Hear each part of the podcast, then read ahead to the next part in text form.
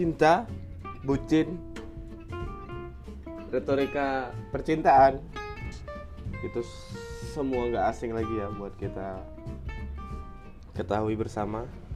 Nah, eh, di podcast ini setiap minggunya akan ada beberapa update yang saya akan ngobrol sama beberapa orang ya tentang drama percintaannya lah, tentang drama kehidupannya lah sampai dengan usia 20 ke atas ini.